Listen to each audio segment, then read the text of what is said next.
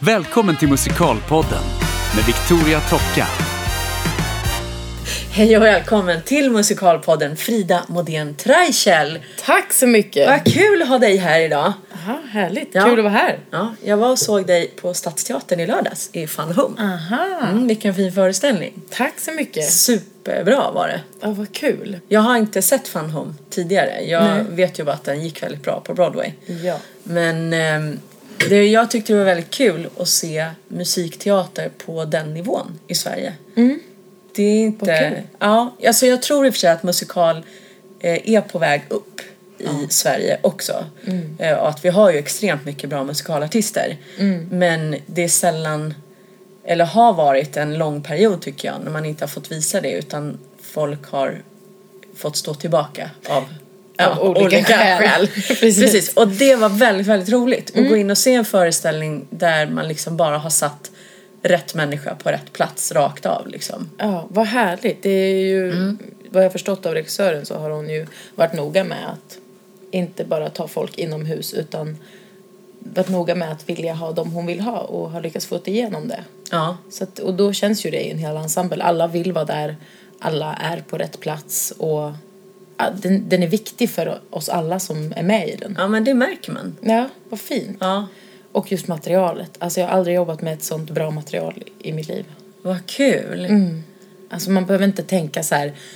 Åh nej, där är det sexistiskt. Åh nej, där är det rasistiskt. Utan bara så här. Det är bara, jag kunde bara fokusera på rollen. Och det är ju unikt tyvärr. Ja. Det är en jättespännande diskussion som jag vill komma till lite längre fram. Ja. För, för, nej men, för först så skulle jag bara liksom, eftersom vi inte känner varann och alla som lyssnar kanske inte vet vem du är. Så kan du bara berätta lite om Frida och hur du började med musikal eller hur du kom in på det här spåret och så. Ja.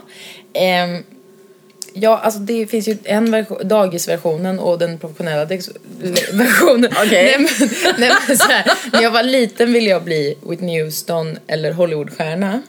Det är ändå bra mål tycker jag. Ja, tack. Väldigt specifikt. Ja. Jag vill bli Whitney Houston. Det tycker jag är bra. Och jag kan verkligen inte bli Whitney Houston eftersom jag är vit. Men ehm, sen, Alltså.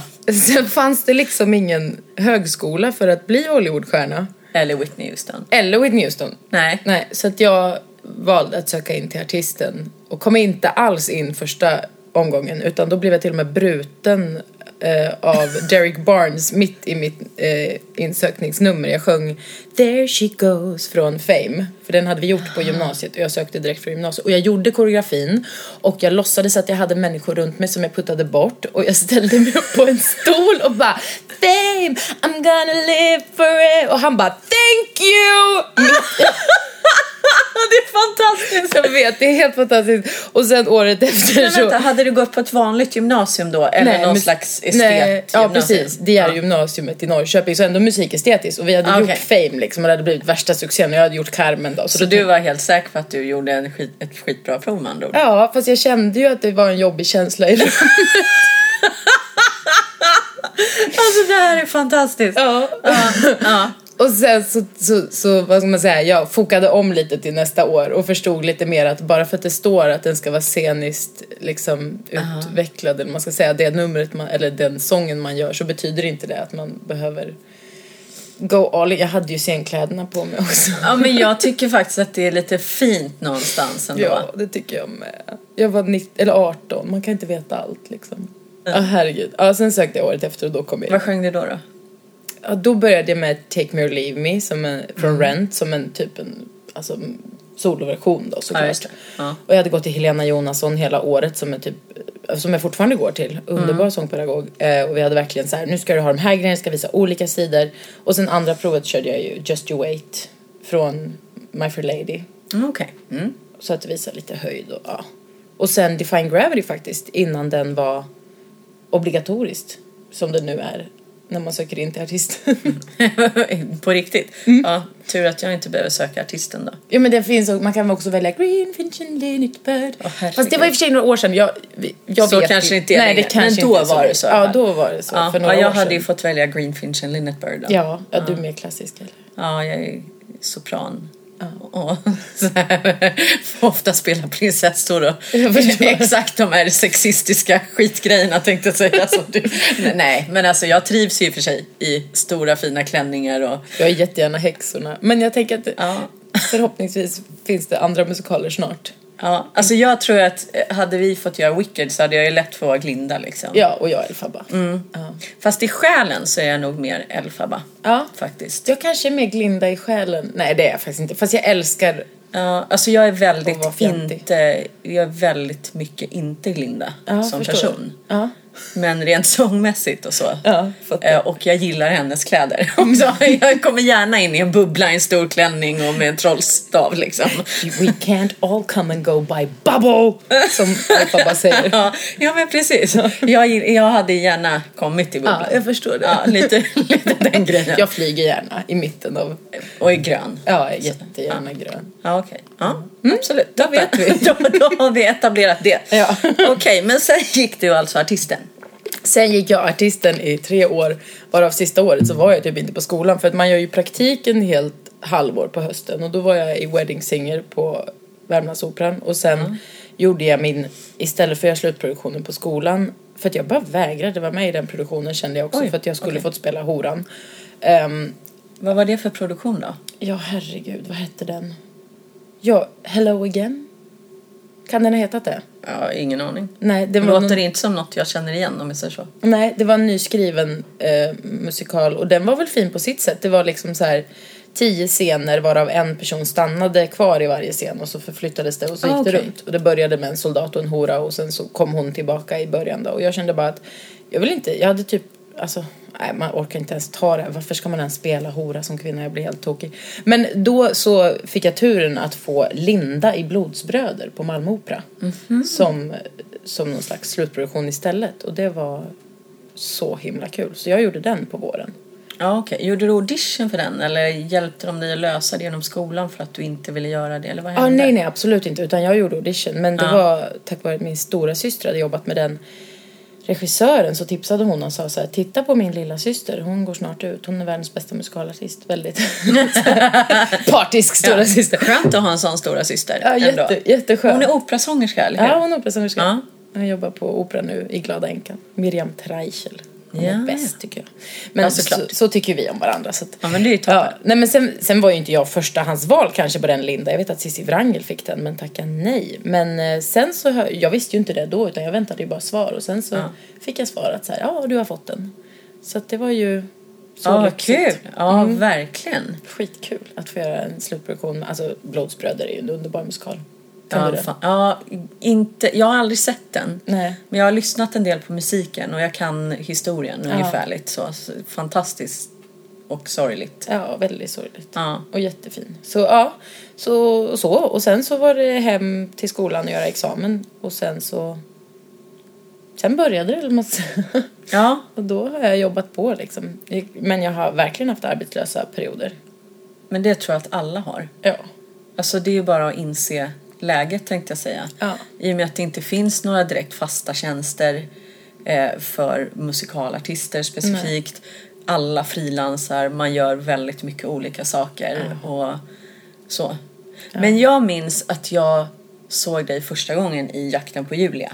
Ja, på just SVT. det. Ja. Hur hamnade du där och hur var din upplevelse av det? Ja, jag hamnade där via Stagepool bara. Alltså jag hade jobbat på Malmöoperan och gjort Vendla i Spring Awakening och sen varit på Den Ny Teater i... Nej vad roligt! Ja, jag gjorde. Kristin där. Gjorde du? I Fantomen. Aha, jag fattar. Jag eh, gjorde Havnelur, eh, alltså Hamnluder Ja. och eh, understudy Eponin i Les Misérables. Men sen fick jag ta över Eponin i de sista tio föreställningarna så det var ju lite bättre. Men det, ni hör återkommande horan här. Nej men, ehm, och då kände jag bara att jag dör ju själsligt av att vara ensemble. Vilket jag inte, alltså det var min första ensemble då, första, alltså när jag Ja. var liksom glädjeflicka och så vidare. Innan jag fick ta över Eponin och då kände jag bara, men jag måste ju göra någonting. Jag är ju asbra, jag måste ju visa att jag finns typ. Ja men det är Så- helt rätt. Ja, och då så såg jag det här på Stagepool och tänkte, men gud, det här kan nog vara kul. Så bara skickade jag in ansökan och så var jag och sökte och så gick jag bara vidare och vidare och vidare.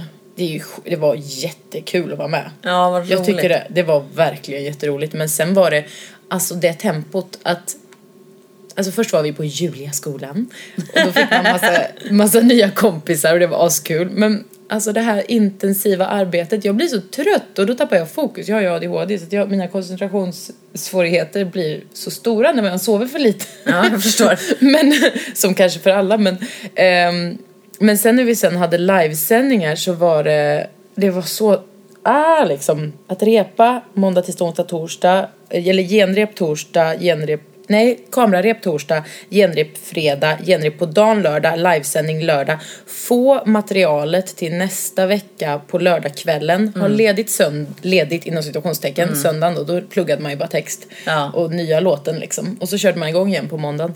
Och alltså, jag, jag klagar inte men jag blev väldigt trött. Så att det, långsamt så blev man liksom helt nermölad i, i skorna. Jag tycker att det upplevdes som att var, jag var i en tunnel och den blev smalare och smalare ju närmare final man kom. Det var som att säga, jag får inte plats.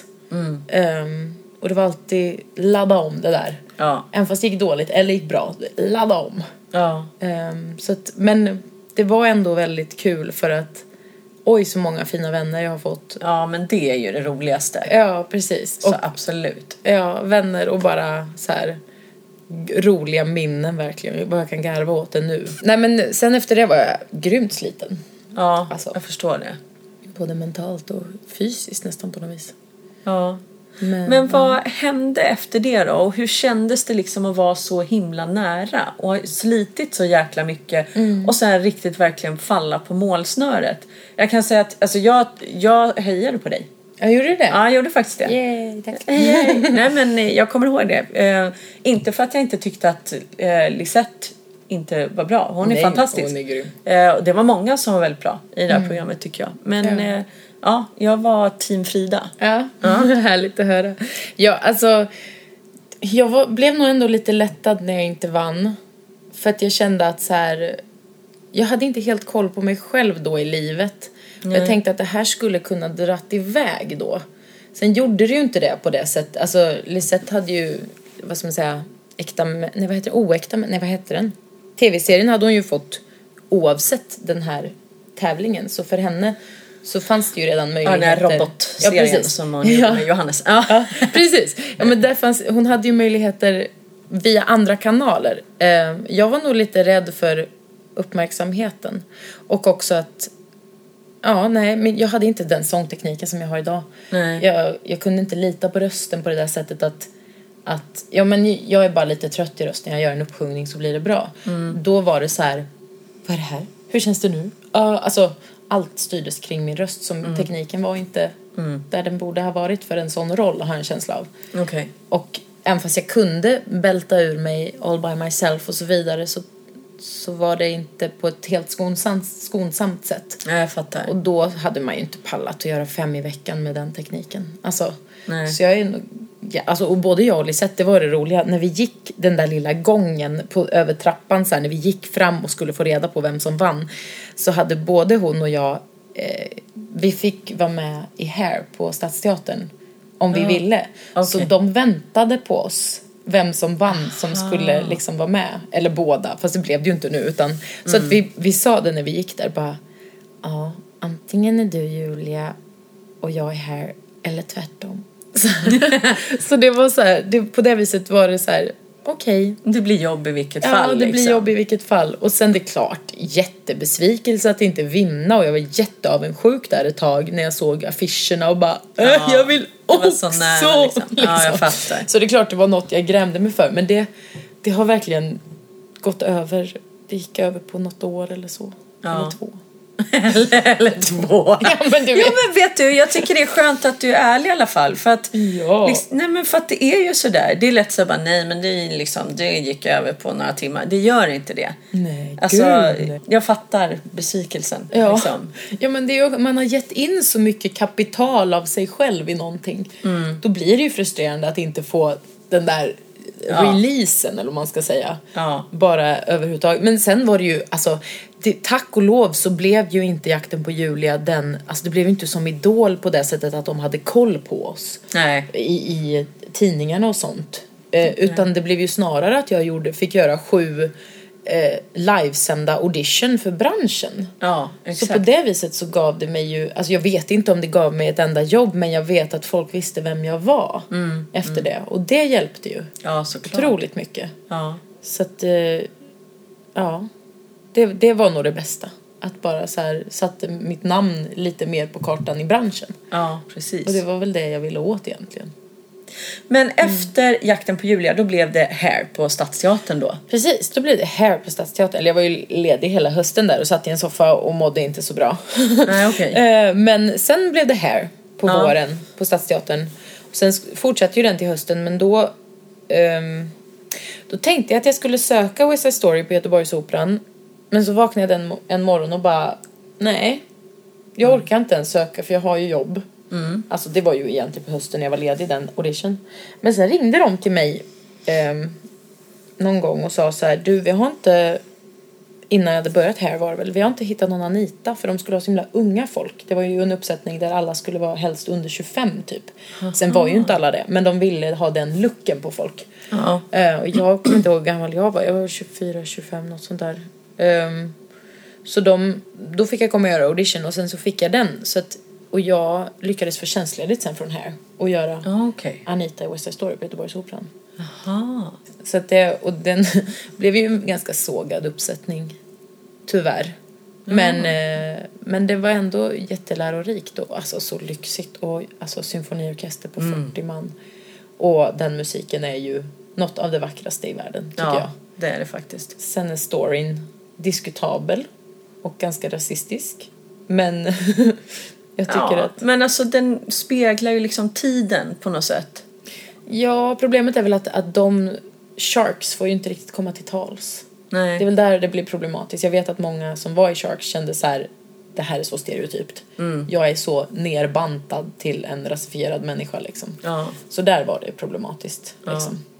Ehm, men eh, ja, samma sak där. Många fina vänner och uh, jättelä... Alltså vi spelade ju 80 föreställningar. Det är en otrolig scenvana. Och ja, verkligen. liksom att få dansa i höga klackar med det var verkligen väldigt klassiskt på det sättet 50-tal och så här kjolar och Ja. härligt.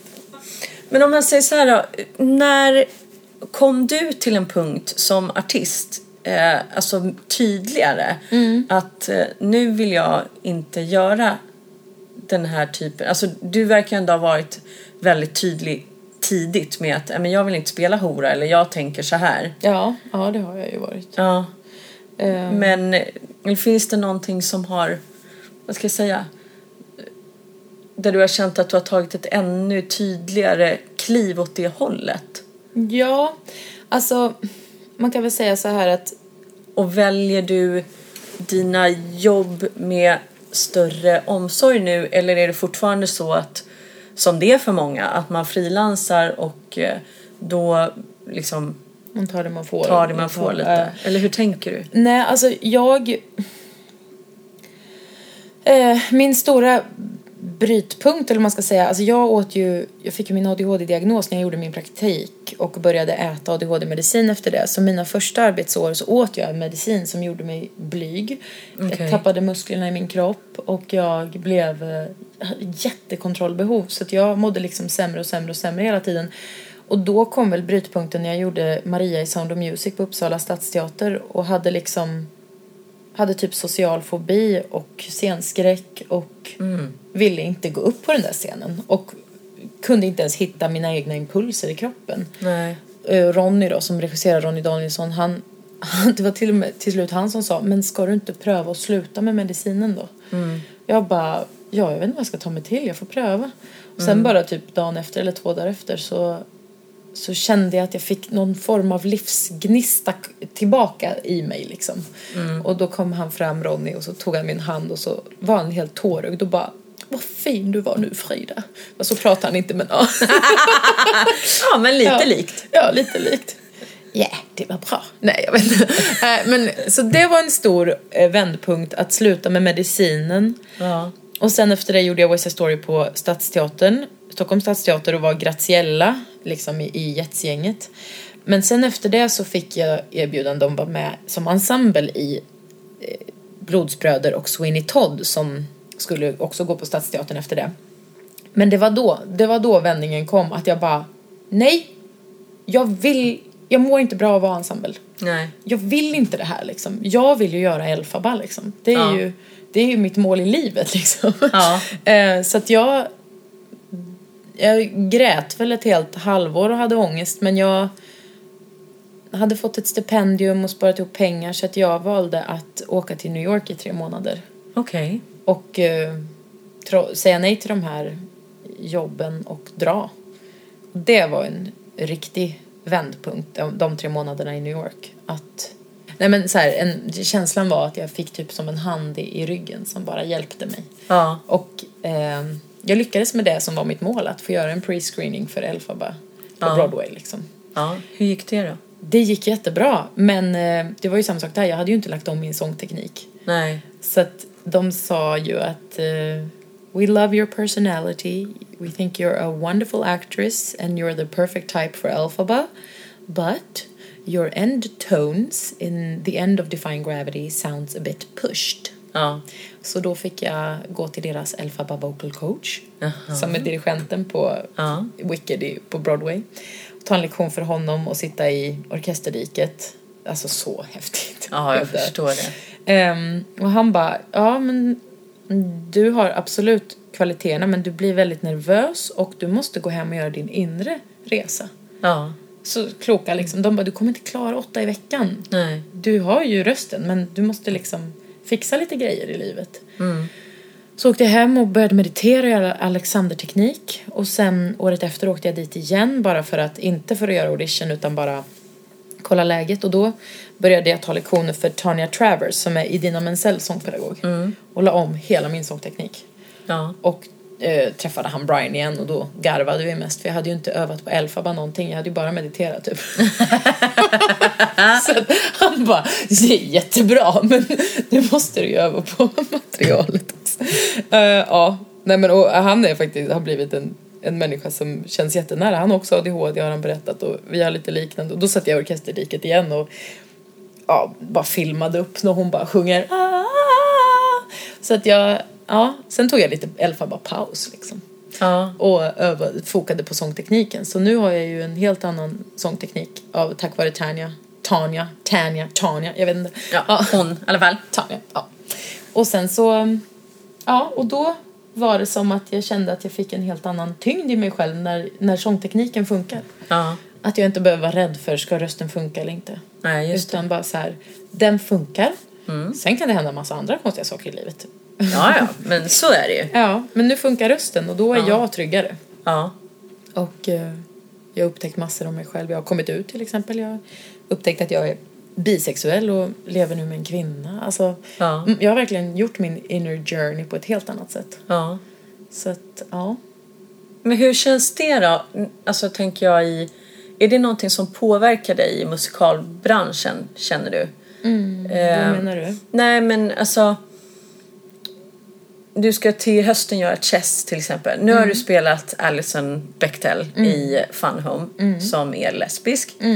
Eh, och sen i Chess så ska du spela Florence. Florence. Och vara amerikanskan där. Vara ihop med Ja precis. Ja, Freddie och sen Anatoly, vad heter han? Ja, ryssen i alla fall. Ja. Nej men alltså, vad ska jag säga, är det någonting som påverkar liksom valen av jobb återigen eller tror att det påverkar din möjlighet att få jobb, vissa jobb? Och var det någonting du tänkte på innan du liksom kom ut? För dig själv eller för alla andra eller? Nej, alltså det är klart, det finns ju alltid en rädsla med att komma ut men jag har nog aldrig tänkt att det skulle vara något negativt i mitt jobb. Nej. Utan jag tror att alla människor, om man är där man, alltså om man är i sig själv och mår bra i sig själv så speglar ju det vad man gör på scenen. Ja. Och jag menar det finns väl ganska många gay-människor som spelar straight och straighta som spelar gay. Så Ja, jag, jag alltså det är väl mer, jag tycker mer att det är intressant för att jag tror att det är mycket vanligare i vår bransch just att det, det är killarna Ja, eller precis. männen Ja. som är gay. Verkligen. Nej men förstår vad jag menar? Att det är liksom, det är ganska vanligt. Så Ja. man bara, ja ja. Eh, Men om det var någonting du tänkte på som kvinna då?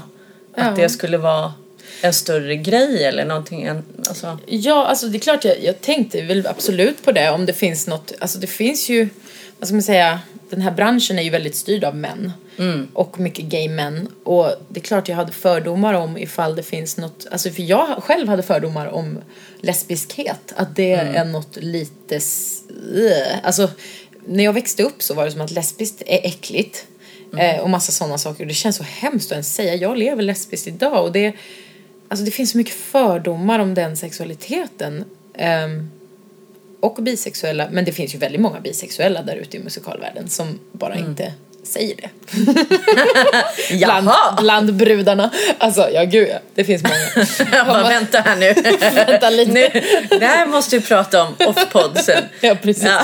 nej men, Ja. eh, nej, alltså jag, jag det, den största underbara saken som har hänt med att, att komma ut är ju att jag vet mest om min sexualitet. Förut så kände jag hela tiden att det var lite jobbigt att kanske göra sexscener på scenen eller prata om sex. Eh, och, eller om folk anspelade på sex så blev jag jätte, jag tyckte det var skitjobbigt och det är ju fortfarande inget jag diggar nu. Men jag kan känna så här, jag äger min sexualitet och framförallt män kan jag uppleva i den här branschen gillar att flörta och jag kan känna mig objektifierad ibland och så vidare. Men det berör mig inte längre. På det, alltså det är klart, jag, jag tycker fortfarande inte om det men det berör mig inte för att det har inte med mig att göra känns det som. Nej. Det är en jätteintressant känsla. Jag känner som jag äger mig själv, min kropp och min sexualitet på ett helt annat sätt. Det är en sån befrielse. Mm, jag förstår det. Och då kan jag, har jag ingen problem, alltså eftersom jag är bi, jag vet ju hur det är att vara med en man, jag vet hur det är att vara en kvinna. Men jag känner att det blir lättare då tror jag kommer, det kommer vara att spela det till hösten. För jag är inte orolig för att, och något jag gör ska bli missuppfattat för att jag tycker så, att jag tycker om personen på riktigt. Nej men du vet så här, och det, det ska ju aldrig vara så. Men det kan ju ändå smyga sig in, kan jag tycka. Det är intressant det här hur, eh, precis som du säger, hur eh, ett material man jobbar med kan verkligen krypa in under skinnet på en. Nej, jag tycker att det är jättesvårt. Jag, vissa roller berör mig mer än andra. Ja men såklart. Liksom, så är det ju. Men, men att jag använder mig av mig. Det är ju samma sak med Fun Home. Alltså jag har ju...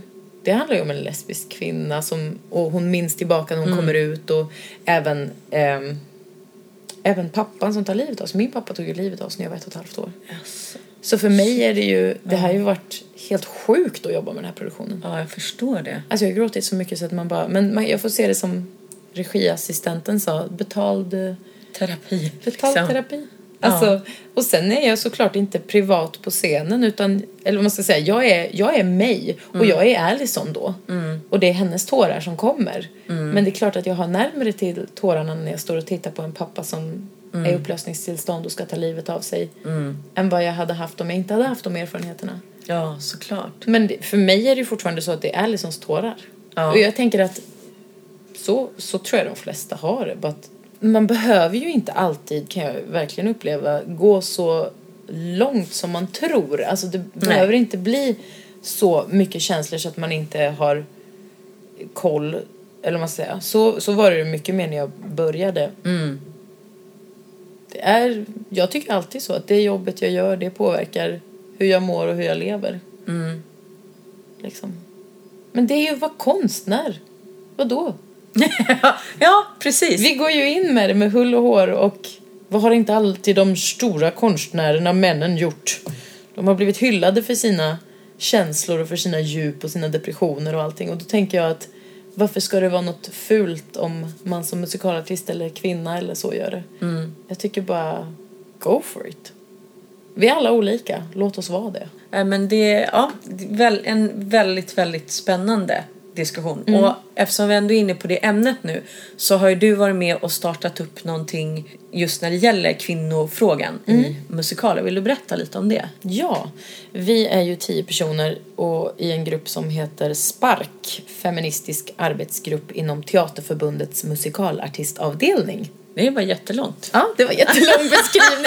Men vi heter Spark liksom, som Ja. kommer ifrån ordet kickline. Eh, som var ty- kvinnans typiska roll. Och också en spark till branschen, tänker vi. Men vi stavar med Q på slutet för att vi ska stå för den gamla eh, stavningen av kvinnor och queer. Så att alla ska få vara med.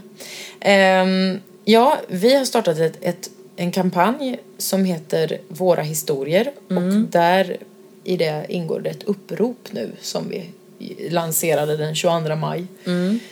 Där vi visar statistik på, vi har klockat 24 musikaler ehm, och tagit fram den statistiken. Och det handlar ju om den ojämställda musikalbranschen framförallt, det här Ja, uppropet. Att vi vill synliggöra att män får mer solotid, såg vi ju Mm. i den klockningen. 68% i männen och 32% i kvinnorna. Mm. Och vad är det för roller vi får spela? Mm. Som kvinnor. Det är ofta ganska endimensionella, platta, stereotypa typer. Mm. Ehm, och det är ju många då som har som argument att ja men vi tar ju bara de musikalerna som går på Broadway. Men då har ju vi sett att ni tar bara en viss typ av musikaler som går på Broadway. Mm. Ni har ju missat 9 to 5, Wicked, Dreamgirls, Sister Act, Color Purple, Ja. alltså Beautiful, The Carole King Ja. Story. Alltså det finns ju så många om kvinnor. Waitress. Waitress som precis, och jag tänker Mary Poppins har gått en gång i Sverige. Ja. Alltså va, hur kan man ens köra My Fair Lady sju gånger? La Cage aux Folles tio gånger. Ja. Och West Side Story 38 gånger. Ja. När det finns som typ Mary Poppins. Alltså jag, jag förstår inte. Nej, och där kan jag hålla med dig. För att jag, alltså med hela, hela mitt tänk senaste åren har ju varit att liksom lyfta musikalbranschen till den nivå jag tycker det, den borde ligga på i Sverige. Ja. Med tanke på hur mycket fruktansvärt bra folk vi har här. Exakt. Och jag vill bara påpeka, det har ingenting med mig personligen att göra att jag måste stå längst fram och Nej, absolut fattar. inte. Men jag tycker det är så otroligt kul, som jag sa i början på den här podden, att gå och se en föreställning som Fun Home eller ehm, ja men jag har sett så mycket bra svenska musikalartister, liksom både ute i världen Mm. och här hemma, som liksom inte lyfts fram, som inte får synas, inte får höras. Nej. Och för mig är det så svårt att förstå varför det är så. Och samtidigt så måste man ju liksom försöka ändra på det själv då. Eller göra Ja. någonting liksom för Ja. att ändra på det. Eftersom de här stora jättarna inte verkar vilja ändra på sig. Nej precis och jag tycker det är så jäkla bra att du gör den här från Broadway till Duvemåla eller Duvemåla till Broadway. Ja, från Broadway till Duvemåla. Ja, Ja. jag- tycker det är asbra just för att det behövs mer musikalkonserter, det behövs mer sånt för att visa alla dessa grymma personer vi har. Mm. Men och jag tror, jag tror jag vet en av anledningarna och jag tror att det är för att i Sverige så är musikalkonstformen ganska bespottad.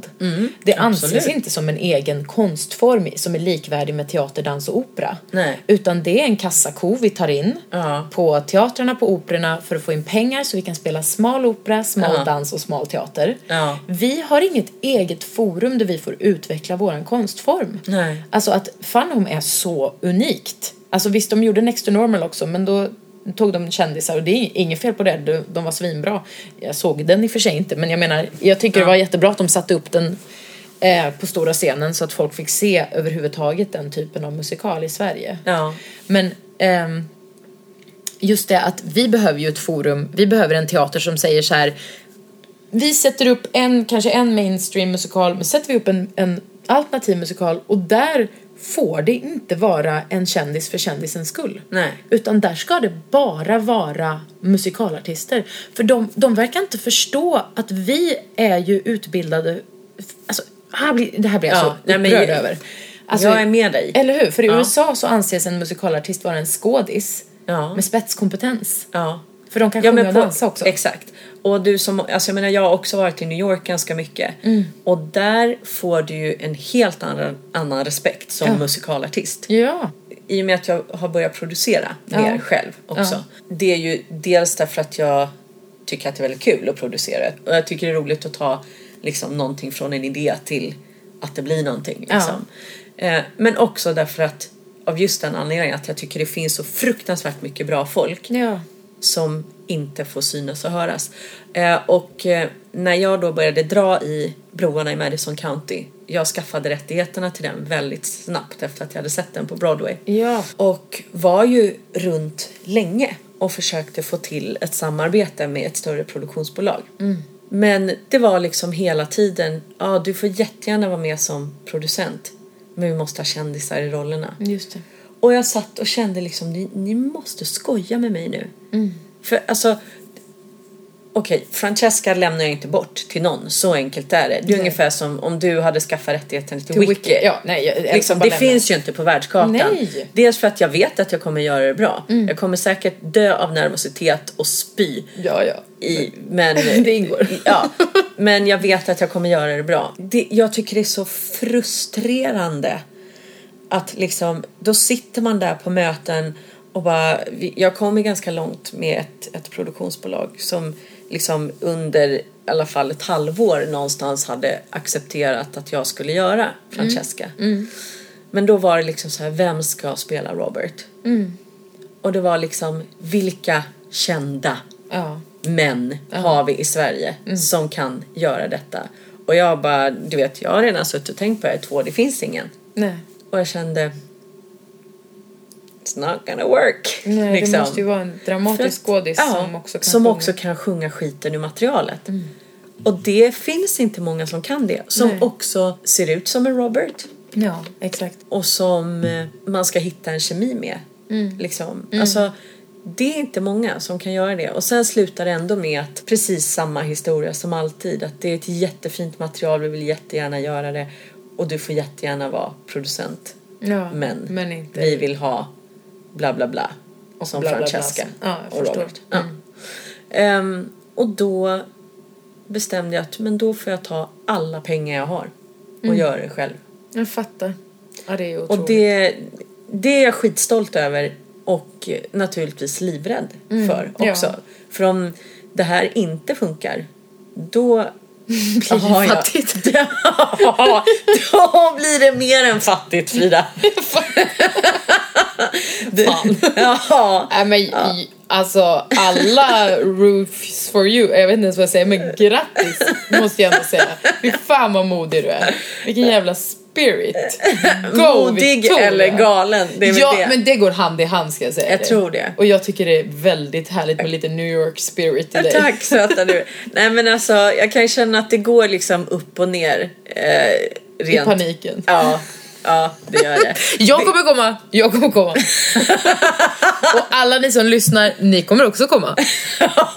ja, men alltså någonstans är det ju så här att det här är ju självklart ett, ett egoprojekt för mig därför att jag verkligen, verkligen vill göra det här. Så att det är ju något som, som jag bara måste få göra för min egen själs skull, så är det ju. Ja. Men för mig är det också ett projekt som jag gör för hela musikalbranschen. Så känns det faktiskt. Ja. Att om ingen vågar, om ingen börjar Nej, då kommer ingen annan göra det heller. Någon måste liksom. Och lite Ja. grann som ni också startar här. Våra Eh. Ja, precis. Alltså någon måste börja. Nå- Alltså annars blir det ingen förändring. Nej. Och det är ju det. Nej men och bara idag i dagens DN så är det ju om eh, den mer politiska teatern som kommer upp på Broadway nu. Att det är musikaler som går åt det politiska hållet för att det funkar inte med det Trump vill göra. Nej. Alltså och att jag tror att man kan se musikal som en konstform som kan, man kan göra allt inom musikal. Mm. Det är inte bara My Fair Lady, West Side Story. Ja, men det har ju Nej, hänt men- så mycket med musikal Ja. på senaste år tycker jag. Exakt. Alltså jag menar, jag såg ju Hamilton nu Ja. i New Jag York. Skitbra föreställning. Ja. Inget jag någonsin kommer få göra Nej. eller kunna göra. Nej. Men det gör ju ingenting. Nej. Det var fantastiskt att se på och jättekul att se så mycket nytänkande i en och samma föreställning. Ja. Ehm, och eh, det har ju Daniel och jag pratat om i en podd redan men att man spelar en föreställning som handlar om en historisk period 1700-tal liksom eh, när USA föddes egentligen men gör det genom rapmusik väldigt modern musik och alla roller är helt uppblandade. Alltså det är tre systrar varav en är vit, en är asiat och en är svart. Alltså det Ja, spelar ingen roll men ja. liksom skitsamma liksom. Ja, tack. Eh, hade man gjort det historiskt korrekt då hade det bara varit en massa vita män i vita peruker. Precis. Liksom. Och det var så otroligt häftigt och det har, alltså där tror jag att fenomenet Hamilton har skapats också. Ja, att det är så otroligt verkligen. nytänkande. Och jag tycker att det är mycket sånt som kommer. Alltså Mm. Waitress är väl mer en normal ny musikal. Mm. Men det som är häftigt med den är ju att den är helt gjord av ett kvinnligt team. Ja, precis. 100 procent. Och sen är ju musiken fruktansvärt bra. Mm. Ja, och det är liksom- så. Ja, jag ska se det nu när jag åker till Ja, New det York måste du göra. Den är veckor. jättefin. Jätte, Gud, vad jättefin musikal. Som jag gärna skulle vilja se på en svensk scen. Ja. För men- det är också en sån här föreställning som du, du skulle lika gärna kunna omvandla den till ett svenskt perspektiv. Du behöver Ja. inte göra en helt amerikansk utan det kan lika gärna handla om en liten så här- fabrik, eh, café. Nej, men, Ja men du vet en sån här, äh, ja men du vet så här, diners man stannar på liksom längs Ja, E4 drive-in uppe i Norrland eller i Åmål. Nej men du vet Ja. så, det, liksom, det har ingen betydelse. Du kan göra den på vilket sätt som helst men Men kör, kom igen nu musikal-Sverige, våga, sätt upp saker. Och jag, framförallt så här, det är också teatrarna som bestämmer vad som ska bli stort. Alltså med PR och marknadsföring. Ja. Om vi tar Kinky Boots, det var ju på ett vis vågligt att göra. Ja. Visst, då drog de med Arne Weise, eller Andreas Weise väl, inte Arne. det hade varit spännande. Nej, men, Nej, men Andreas Weise. Men jag tror inte bara han sålde alla de... Det alltså- tror, jag tror inte publiken kom för Andreas Weise. Nej, det tror inte jag heller. Det var Nej. ett namn de Men- kunde använda. Men alltså, ja, om publiken får kvalitet, om Ja. publiken får veta att det finns, då kommer de. Exakt, för det är ju inte så att folk inte gillar musikal. Och jag tror att folk gillar musikal mer om det är jävligt bra. Ja men såklart de gör. Ja, De gör det, jag är helt hundratusen procent säker på det. Jag med, verkligen. Men då måste man ju liksom våga också. Och vi har ju alla förutsättningar i Sverige att lyfta musikalbranschen till samma nivå som West End eller Broadway. Oh ja. Där folk, eh, alltså publiken pratar jag om nu, Mm. ska kunna våga köpa en biljett till Dear Evan Hansen eller Waitress och bara räkna med att de kommer få se en fruktansvärt bra föreställning. Ja. De kommer få någonting för pengarna. Och lita på att Sverige börjar bli redo. Ja men det tror jag Ja, faktiskt. det tror jag med. Det är, det är svårt också med så här stora institutioner för det så, tar så lång tid att förändra saker. Ja. Just för att det är så många instanser hela tiden. Mm. Och det är det någonstans som är så skönt med att driva eget. Ja, det kan jag tänka Just mig. för att jag är diktator i min egen firma och bestämmer själv. Ja. Vilket gör att det går väldigt fort att komma framåt. Det är otroligt mycket jobb och man blir ganska trött. Och. Liksom, men du får ju saker gjort också. Ja. Därför att du bestämmer själv hela tiden. Ja, precis. Eh, och det är klart att när det sitter, jag vet inte hur många möten de ska ha om varenda detalj på Stadsteatern till exempel så tar det ju väldigt lång tid. Ja, och sen har de ju väldigt många produktioner också. Och sen tror jag att det handlar också om medias intresse. Ja, de har säkert skickat ut allt de kan om Fun Home men det är kanske inte så många som har nappat just eftersom det inte är ett känt namn. Nej. Alltså om man tänker morgonsoffor eller sådana saker. Nej, men och där måste man ju också...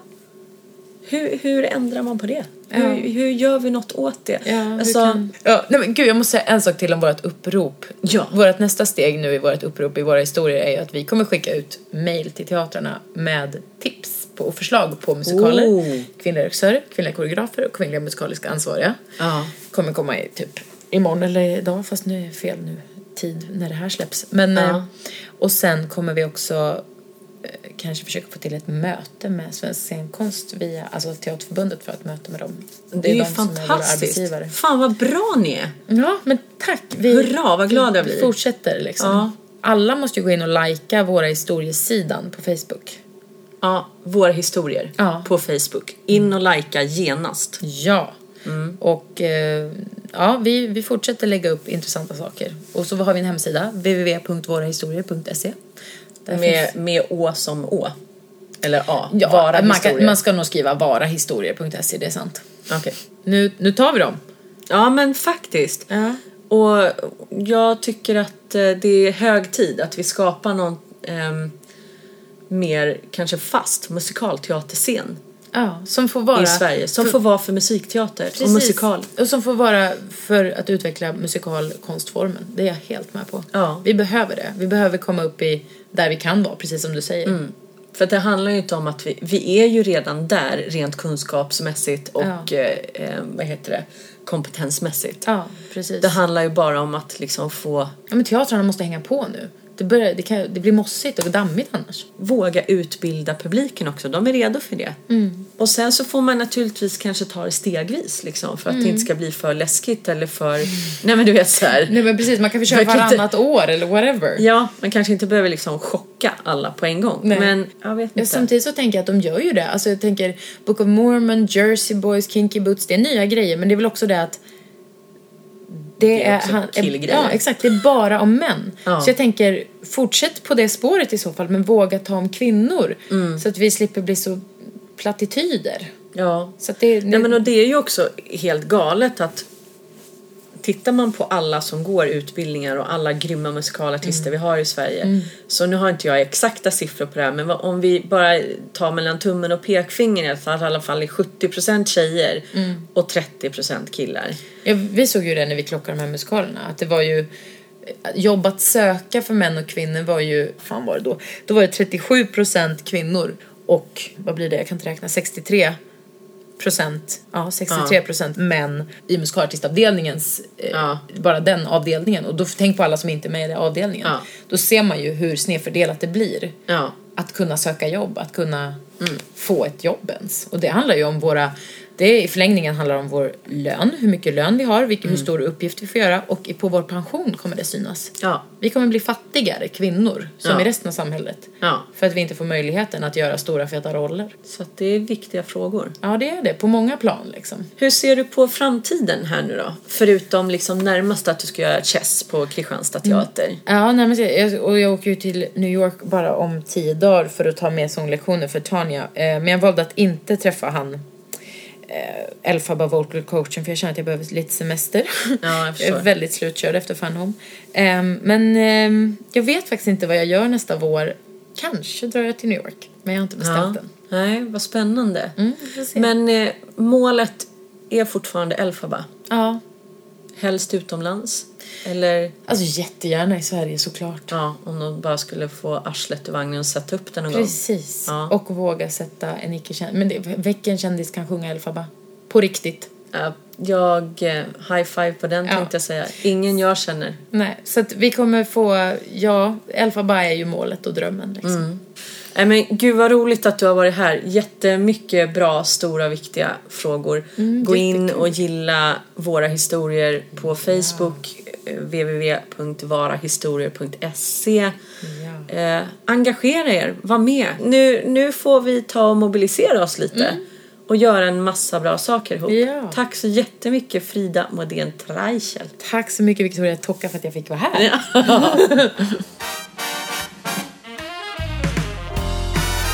Musikalpodden med Victoria Tocka.